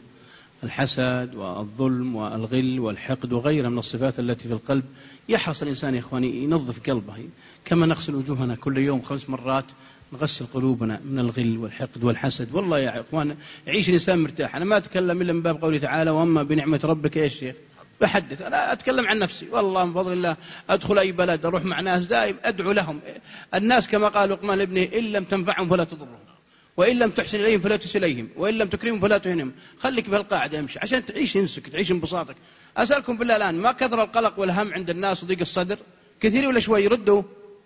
كم الآن مستشفيات؟ شوف الدكاترة النفسيين يطلعون الآن. ليش؟ ليش الأولين عايشين بأنس انبساط؟ شوفوا شيبان الكويت اسألوهم. ما كان عندهم الشيء اللي عندنا رغم إن التقنية اللي عندنا والتكنولوجيا اللي عندنا ما هي عندهم. وما حدا مرتاحين مبسوطين. فعشان تعيش صح طهر قلبك من الغل والحقد والحسد تنبسط خلاص. تعيش على قول المصريين على رنقة عشرة. صح يا شيخ كذا؟ مرة على قولهم. عيش أيامك عيش شباب خلي شبابك يفرح فيك. عيش وتهنى تبقى الدنيا تصبح جنة. وقيل الذين اتقوا كلام الله يبلغ. أولم وقيل الذين اتقوا ماذا أنزل ربكم؟ قالوا خيرا للذين أحسنوا في هذه الدنيا. إيش؟ حسنة انبساط وانشراح. ما والله إننا نشوف ناس الآن يعني أنا دخلت حقيقة قصور يمكن بعضكم ما دخلها عند بعض تجار الخليج. والله يا شيخ دخلت قصور كرمكم الله المجلس دورتها المياه 10 متر ب 10 متر. يوم قلت دخلني الدورة حسب دخلني غرفة النوم. شيء هون وحق الجرايد وشاشه في دورة يعني ومع هذا الذي في قصر ضايق صدره وهم وغم وطبش. وش السبب؟ لاننا إذا ما سلمنا قلوبنا من الغل والحقد والحسد ودخلنا فيها المحبة والأنس والانبساط والانشراح وحب الخير للغير سيأتي علينا اليوم اللي مثل بعض الشباب. تشوف الصبح. أنت في الكويت أنا ما أشوف عندك. ما أشوف عندنا هناك في السعودية. الصباح عند الاشارات تلقى قايل كذا. ما تشوف إلا كبس واحد. مرة ها. لا تكلمه. وش عندك؟ مطوع يا الله صباح خير. ليش لا؟ إحنا زهقان طفشان. فأقول يا أخوان نسلم صدورنا أخوات النساء لا يصير في قلبي على ابن عمي وعلى أختي وعلى بنت خالتي وعلى جاري وعلى زميلي. صور يا شيخ واحدة من رسالة اليوم رسالة تقول يا ربي قل آمين معي يا شيخ برسالة. والله لو ما قالوا لنا قناة الوطن سك الجوال لافتحها واقرأ تقول قل آمين يا شيخ الله يموت أمي وأبوي اليوم قل بكى أعوذ بالله. لهالدرجة بلغنا. الله يتوب علينا يا إخوان. والله حتى الحيوانات الواحد صار يحبها. أنا عندي بس إني أحبها. كل ما أطلع الصبح أسلم عليه عند الباب. نعيش هذا الأنس نعيش هذا الجو. ما نحقد. فنحرص يا إخوان حتى يأتي علينا اليوم اللي ننبسط ونستأنس ونفلها وكن سببا لإسعاد من حولك. خلي الناس يعرفونك بالانبساط. إحنا شافني واحد المطار قال يا شيخ أنت راعي النكت الجبيلان أعرفك بسنك ابتسم قلت كذا قال بس عطني نكته. قلت اسمي ابشر في واحد عندنا محشش يقول خويه يا أخي عيني حمراء وش أسوي؟ قال لي صارت خضراء امش. وضحك وأنا ما أعرفه في المطار. وفي الكويت عندكم هنا يوم جيت طالع الأسبوع اللي قبل هذا يوم أجي قبل شهرين. نعم. قبل شهر يوم القي محاضرة في الجامع. وواحد في الحدود الكويتي قال يا مطوع والله طفجان تكفى وسع صدري شوي وأخذ على جنب وأعطيه خمس نكت. بقى كرم والله طيح من الضحك. عيش الأنس يا إخوان؟ نستانس عيش أيامك عيش لياليك خلي شبابك يفرح بيك. عيش وتهنى تبقى الدنيا تصبح جنة. بس المصريين الله يهديهم يقول رقصنا يا جدع لا ما نبي نرقص. ما نبي نرقص ما نبي نرقص. شيخ دكتور عمر عبد الكافي في ختام هذه الندوة آه، شنو تحب تختم فيه؟ آه، في ظل آه، مشروعنا مشروع درر بلدة طيبة ورب غفور. جعل الله الكويت وأهلها أميرا وشعبا بلدة طيبة آمنة مطمئنة يأتيها رزقها رغدا من كل مكان بالعدل وبقرب الأمير من أبنائه وبقرب أبنائه منه. والدول تستقر وتستوي عندما يقترب الناس بعضهم من بعض. وعندما يحب بعضهم بعضا فلا يحقد أحد على أحد ولا يحسد أحد احدا ولا يبغي أحد على أحد ولا يفخر أحد على أحد فكلنا سواسية وكلنا لآدم وآدم من تراب لا فضل لعربي على أعجمي ولا أبيض على أحمر إلا بالتقوى والعمل الصالح إن الإسلام انتصر بعمر رضي الله عنه العربي وصلاح الدين الكردي وابو حامد الغزالي الأفغاني ومحمد إقبال الهندي وصهيب الرومي وبلال الحبشي وكل هؤلاء انصهروا في بوتقة الإسلام محبة ورقة حتى تزوج عبد الرح... بلال بن رباح أخت عبد الرحمن بن عوف وتزوج زيد بن حارثة زينب الحسيبة النسيبة بنت جحش أمها صفية بنت عبد المطلب عمة النبي صلى الله عليه وسلم. وما تفاخر أبو بكر يوما على بلال وقال أنا الذي أعتقتك أنا الذي خلصتك من القيد والعبودية والذل. عاش الناس بهذه المحبة. عاش الناس عندما رأى كل واحد منهم أنه أقل من أخيه وأنه يعني أقل إيمانا وأقل شأنا من أخيه. وعندما رأى ونظر إلى اخوانه بهذه المحبة ولأن الذي صنع شجرة الحب في العالم كله هو رسول المحبة صلى الله عليه وسلم الله. الذي جعله رب العباد رحمة للعالمين حتى كما قال الشيخ بارك الله فيه أحب الجمادات وأحب البيئة وحافظ عليها وحبب الناس بعضهم في بعض وكان سبحان الله العظيم ما يرى إلا متبسم الوجه طلق المحيا صلى الله عليه وسلم. كان يقال عندما تراه تراه نضاح المحيا ليست في وجهه فقط وإنما القلب يعطي هذا الوجه النور والبهاء سبحان الله. فالإنسان نراه كما كان ينظر إلى عمه العباس رضي الله عنه ويطيل النظر إليه. فيقول له يا ابن أخي لما تطيل النظر إلي يا رسول الله؟ قال أعجبني جمال عم النبي. هذا الود وهذه المحبة سبحان الله تدخل يدخل على فاطمة وعلي. وهما يطحنان سويا ويقول آه، يعني الرسول علي يا علي أتأذن لي أن آخذ نوبة فاطمة؟ أنا تعبانة وحامل ومتعبة. فيجلس النبي صلى الله عليه وسلم يطحن مع علي. ففاطمة تريد أن تغيظ عليا يعني من باب المعاكسات الزوجية الجميلة. أنا أحب إلى رسول الله منك يا علي. فسيدنا علي عايز يطمئن يعني إيه الدرجة؟ قال يا رسول الله هل حقا فاطمة أحب إليك إليك مني؟ قال يا علي فاطمة أحب إلي منك ولكنك أقرب إلى قلبي منها. الله أكبر. هكذا هذه المحبة الصادقة. بالله عليك لو زوج بنتك قال لك يا أبو فلان أنا أحب لك ولا بنتك أسماء؟ أسماء يقول لك ده الولد هذا مجنون ولا ده ده ده ده, ده, ده, ده يعني واخد له شوية حاجات كده مخدرات في الكلام ده. فهكذا كان صلى الله عليه وسلم يوزع الحب على على على من حوله لأن القلب النقي القلب الصافي والذي يبني المجتمع ويبني الدول. والله لا تبنى الدول إلا بالمحبة. أما هذه الصراعات التي نراها وهؤلاء الذين يريدون أن يتولى الواحد منهم كرسيا رغم أنف الجميع لا يعان على كرسيه لا يعان على إمارته. أما الذي تسعى إليه ال ال الأمور وتأتي إليه الله رب العباد يعينه عليها. قال يا أبا ذر إنك ضعيف وإنها أمانة ويوم القيامة خزي وندامة إلا من أخذها بحقها. نحن هنحاسب على أربعة أو خمسة أولاد بنرتجف فما بالنا بأصحاب الولايات؟ أعانهم الله. فيا إخوة يا أخوات يا أبنائي وبناتي كلام أب محب لأبنائه وبناته بالحب وبالمحبة وبالود وب يعني وبالتقوى وبإلقاء المشاكل كلها أمام باب الله عز وجل الله سبحانه وتعالى يخفف عنا ويجعل البلاد آمنة مطمئنة. اللهم اجعل هذه البلاد وبلاد المسلمين جميعا آمنة مطمئنة واطرد عنها شياطين الإنس والجن. شكر الله لكم والسلام عليكم ورحمة الله تعالى وبركاته. الله. كل الشكر لفضيلة الدكتور عمر عبد الكافي وكذلك الشيخ سليمان جبيلان. على هذه الكلمات النيرات نسأل الله عز وجل أن يجعلها في موازين حسناتهم يوم يلقون ربهم. كذلك الشكر موصول لكم جمهورنا الكريم على حضوركم وكذلك الشكر موصول إلى مشاهدينا الكرام عبر شاشة التلفزيون الوطن إلى أمسيات أخرى نلتقيكم بإذن الله عز وجل.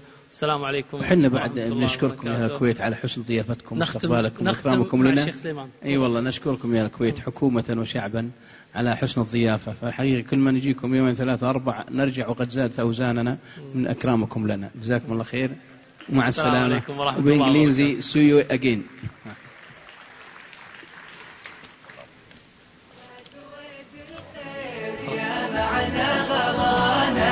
يا بلادي وسط عيني تسكني لرفعنا برقش على سمانا يرتفع شن لنا كل ما يبي